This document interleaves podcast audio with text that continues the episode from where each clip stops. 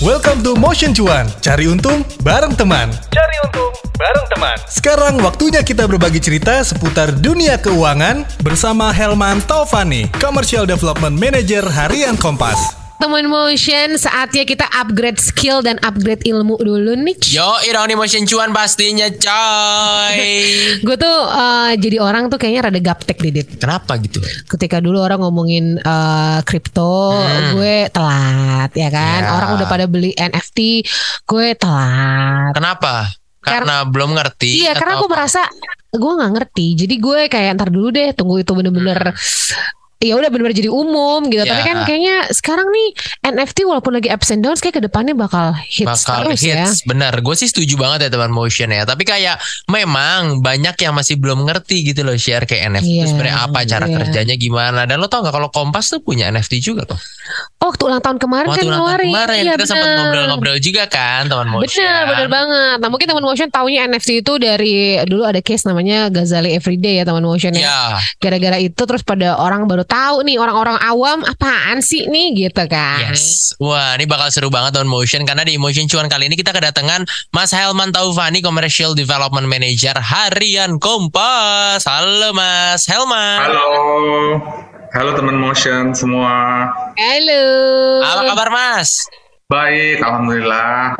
Baik, alhamdulillah. Lagi hujan nggak tuh di situ di kantor? Lagi di mana? Di Palmera, Mas?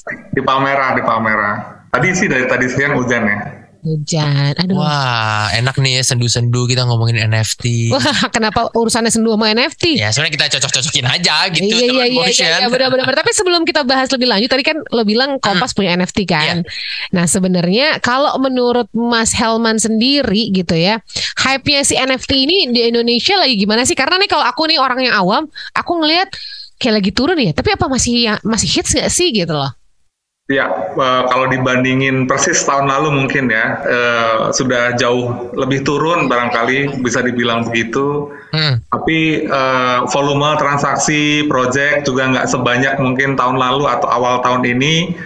Itu cuman uh, kalau kita melihatnya ya di momen kayak gini tuh kita jadi bisa ngerti gitu siapa yang uh, who's for hurrah gitu ya, who's who's gonna stay gitu. Jadi ya ada ada sisi baiknya juga, hype-nya mulai mereda, tapi scene-nya ini masih akan lanjut menurut kami.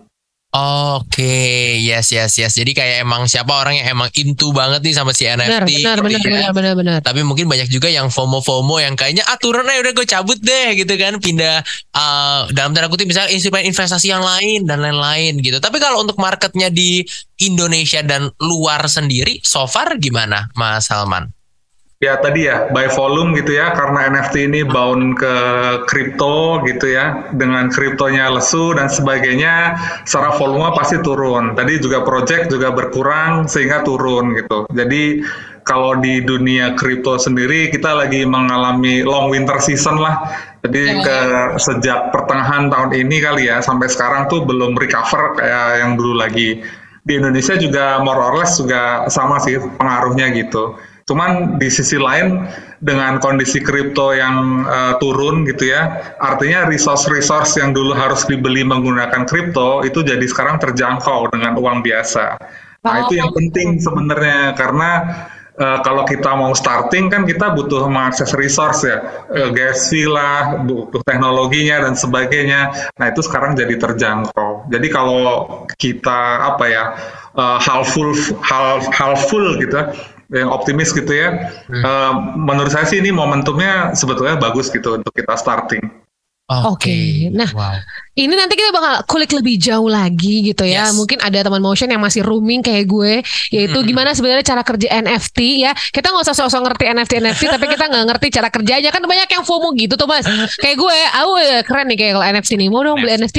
Tapi apaan sih tuh gitu? Tapi apaan sih? Nggak ngerti sih gue kayak pada main dah NFT.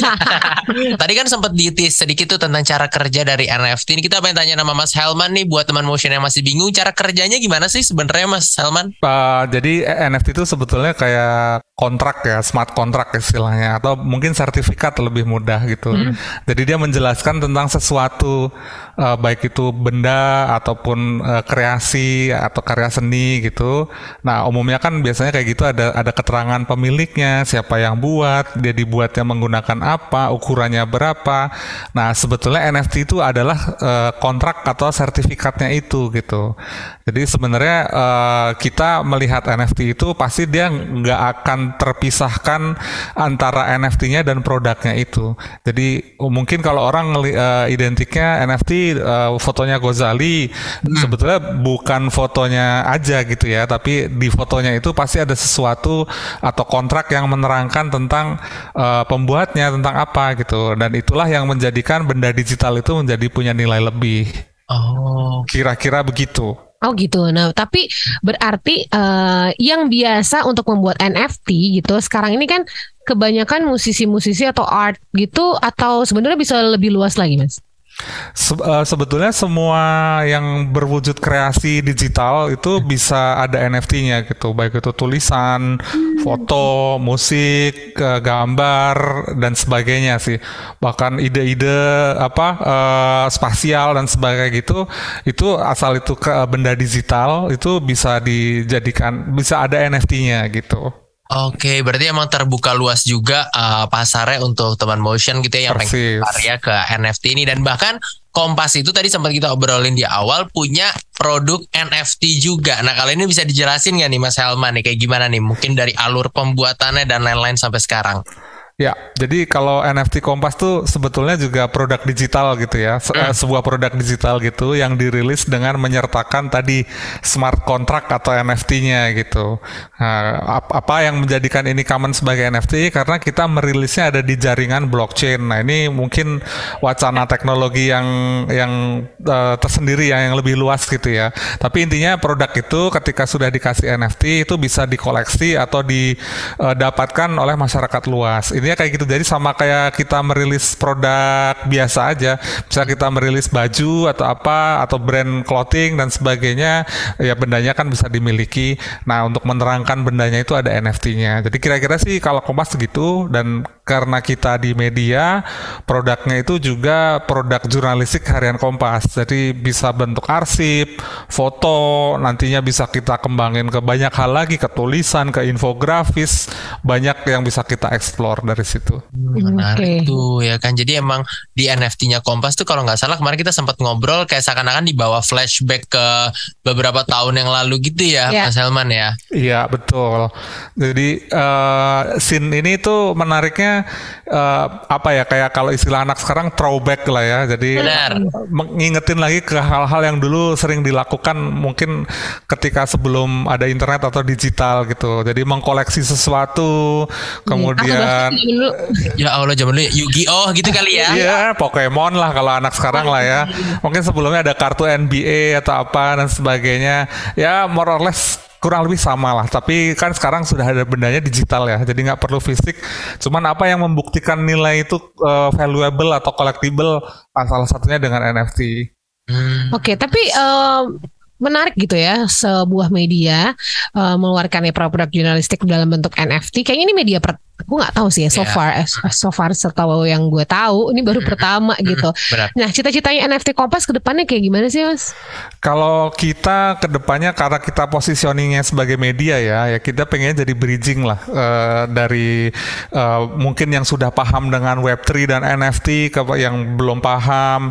Intinya menjadikan scene ini jadi lebih inklusif dengan bantuan uh, keterjangkauan dari media kami atau keharian Kompas gitu. Oke. Okay. Oke, okay, jadi bisa uh, apa ya masuk ke mana-mana juga, jadi makin uh, up to date juga dengan perkembangan zaman, perkembangan teknologi sekarang lah ya, masuk ke Web 3 gitu kali ya Mas Salman ya. Yes, persis. Eksis terus itu. di Kompas ini. So far di NFT Kompas sendiri, kreatornya itu udah ada berapa yang tergabung Mas Salman?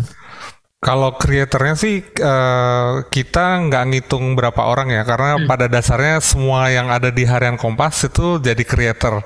Oh. Jadi uh, karena uh, kalau kita ngomong misalnya halaman depan koran gitu, uh. kan kreatornya banyak ya. Itu ada fotografer, ada wartawan, ada desainer grafis juga gitu. Uh, cuman kita merilis juga uh, eh, NFT yang khusus foto gitu. Nah kalau foto mungkin kreatornya bisa lebih dihitung gitu. Hmm. Nah untuk yang kita kan dulu pertama yang kita ada di Motion juga kan kita ngerilis arsip ya halaman yeah, buka. Yeah.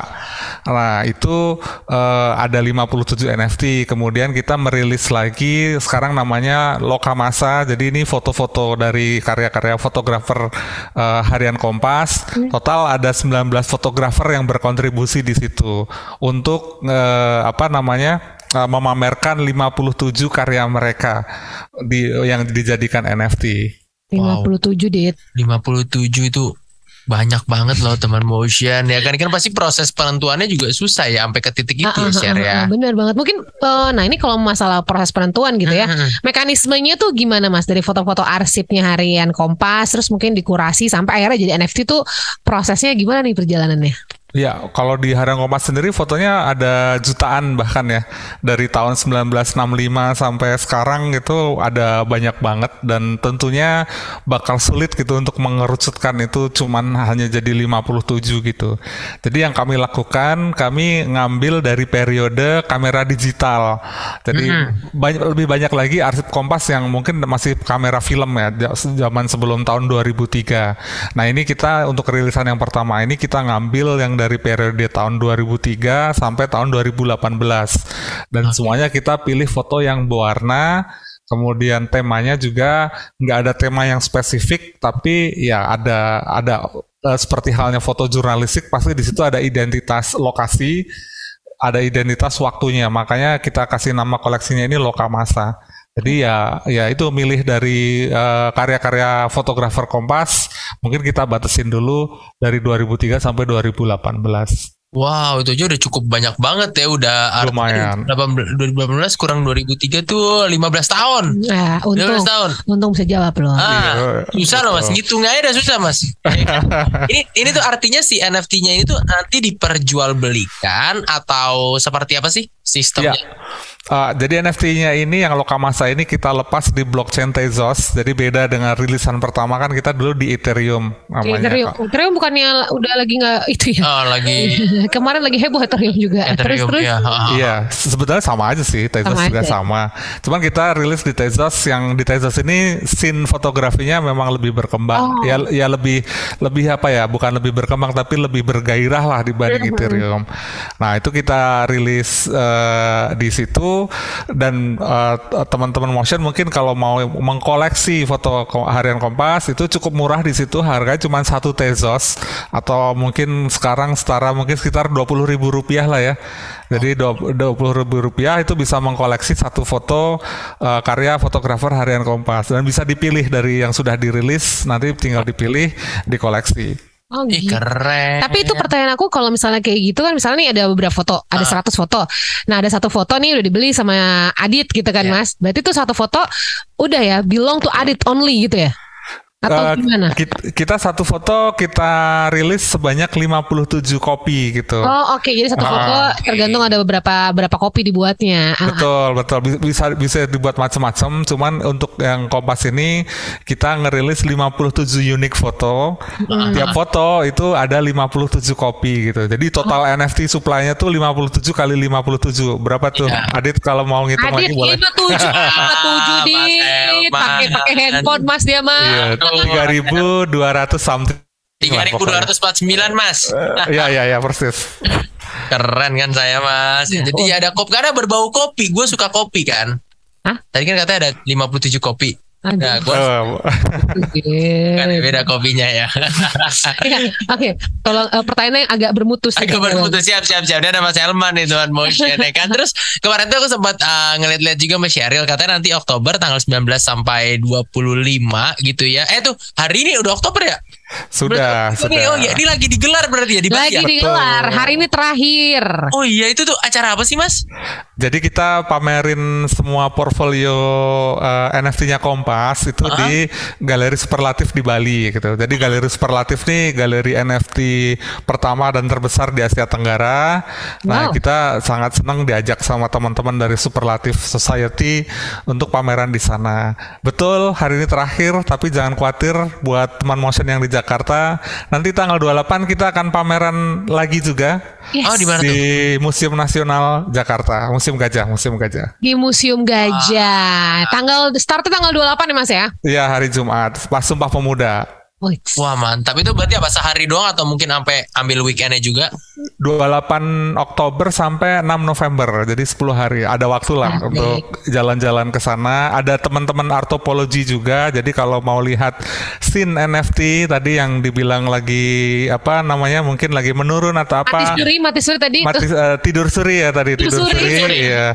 Nah nanti bisa dilihat di Museum Nasional eh, vibe-nya seperti apa. Menurut saya sih masih menarik dan ya apa Pasti menarik. sangat dinantikan gitu. Yes, setuju banget tuh Motionnya tanggal 28 sampai tanggal 6 November. Benar. Gak boleh kelewatan di. Museum Gajah. Oke. Da- eh, dan menurut gue NFT ini ke depannya pasti akan terus eh, melebar lagi, Iya, besar lagi. Kenapa sekarang itu tadi kayak lagi bobo cantik gitu ya kita bilangnya ya bobo cantik. Karena kan orang lagi concern ke hal-hal yang lain ya Iya kan. nih. Ada perang, ada ini ngurusin besok resesi apa enggak ya kan. Tapi sebentar lagi ini akan menjadi boom lagi. Boom banget. Kita pengen nanya hal-hal yang mungkin teman motion pengen tahu ya. Kalau Hmm. dari kacamatanya Mas Helman gitu ya. Kira-kira bakal seperti apa sih masa depan si industri NFT ini di Indonesia? Ya, kalau menurut saya sih masa depan NFT itu masih sangat terbuka ya. Eh to be honest tuh eh, orang-orang yang sudah berkecimpung di NFT itu they're too early gitu. Ya. Karena nggak nggak sampai 0,01 persen populasi internet tuh udah adopt atau eh, NFT literate gitu. Aha. Jadi memang masih eh, belum belum terbentuk, belum ada bayangan seperti apa ke depannya. Cuman kami di Harian Kompas juga yakin gitu bahwa nanti manfaat NFT itu bakal akan sangat umum gitu one way or another gitu. Sama kayak QR code mungkin QR ya. code, bener, Betul. Kalau dulu mungkin ada ad- adaptasi san- dan adopsinya tuh butuh sampai 10 tahun. Cuman kita juga nantinya percaya bahwa semua benda kreasi digital tuh di masa yang akan datang tuh pasti akan membutuhkan kontrak atau sertifikatnya atau NFT-nya itu gitu. Dan ya kalau kita sebagai creator atau apresiator atau orang yang senang beli kreasi gitu, ini eh, momen-momen ini peluang juga kita untuk jadi early adopter dan mengembangkan scene ini. Oke, itu dia. Jadi buat lo tahun motion yang sekarang baru mungkin pengen nyemplung ke NFT ini adalah saat yang tepat gitu ya, Mas Helman ya. Yes. Ada ada tips and trick nggak mungkin atau pesan-pesan gitu buat teman motion yang baru mau nyemplung ke NFT sekarang? Mungkin ada skill tertentu kah yang harus dipunyain atau dikembangkan, Mas Helman? Uh, mungkin tips yang pertama gitu ya at- atau pesan yang pertama tuh jangan silau sama ilusi miliaran dolarnya Gozali lah ya gitu. Bahwa kita memang sekarang ada di kondisi ekonominya yang kurang bagus untuk scene NFT kripto sedang turun. Iya. cuman ini bisa diartikan juga bahwa resource-nya tadi sedang murah dan terjangkau gitu. Jadi bisa dimanfaatin aja momentum ini untuk riset and development. Kita mau bikin apa mengamati project-project lain seperti apa untuk merencanakan start small gitu ya. Dan jangan terlalu apa kalau anak sekarang jangan terlalu ambi lah ya gitu. Jangan Ambi. terlalu jangan terlalu ambisius untuk jadi langsung besar. Pahami dulu landscape-nya apa. Ya kalau kayak gitu sih sebetulnya ini bukan barang yang terlalu rocket science sih. Cukup simpel dan mudah dipahami. Paling gitu sih kalau tips Tuh, jangan terlalu ambi. Pahami Yes. pelan-pelan dan ini sekarang saatnya nih untuk research and development karena persis tadi lagi murah gitu source-nya ya kan. Wah, bisa lah teman motion dari sekarang udah mulai nyemplung nyemplung belajar-belajar seputar NFT. Tadi udah di sharing banyak banget sama Mas Helman. Thank you so much ya Mas Helman ya. Terima kasih. Terima Sehat-sehat kasih. terus. Salam juga teman motion. Yes, Selamat sore. Itu dia Motion Cuan, cari untung bareng teman di minggu ini. Bersama Helman Taufani, Commercial Development Manager Harian Kompas. Tungguin obrolan seru lainnya di Motion Cuan, cari untung bareng teman. Sampai ketemu di episode minggu depan.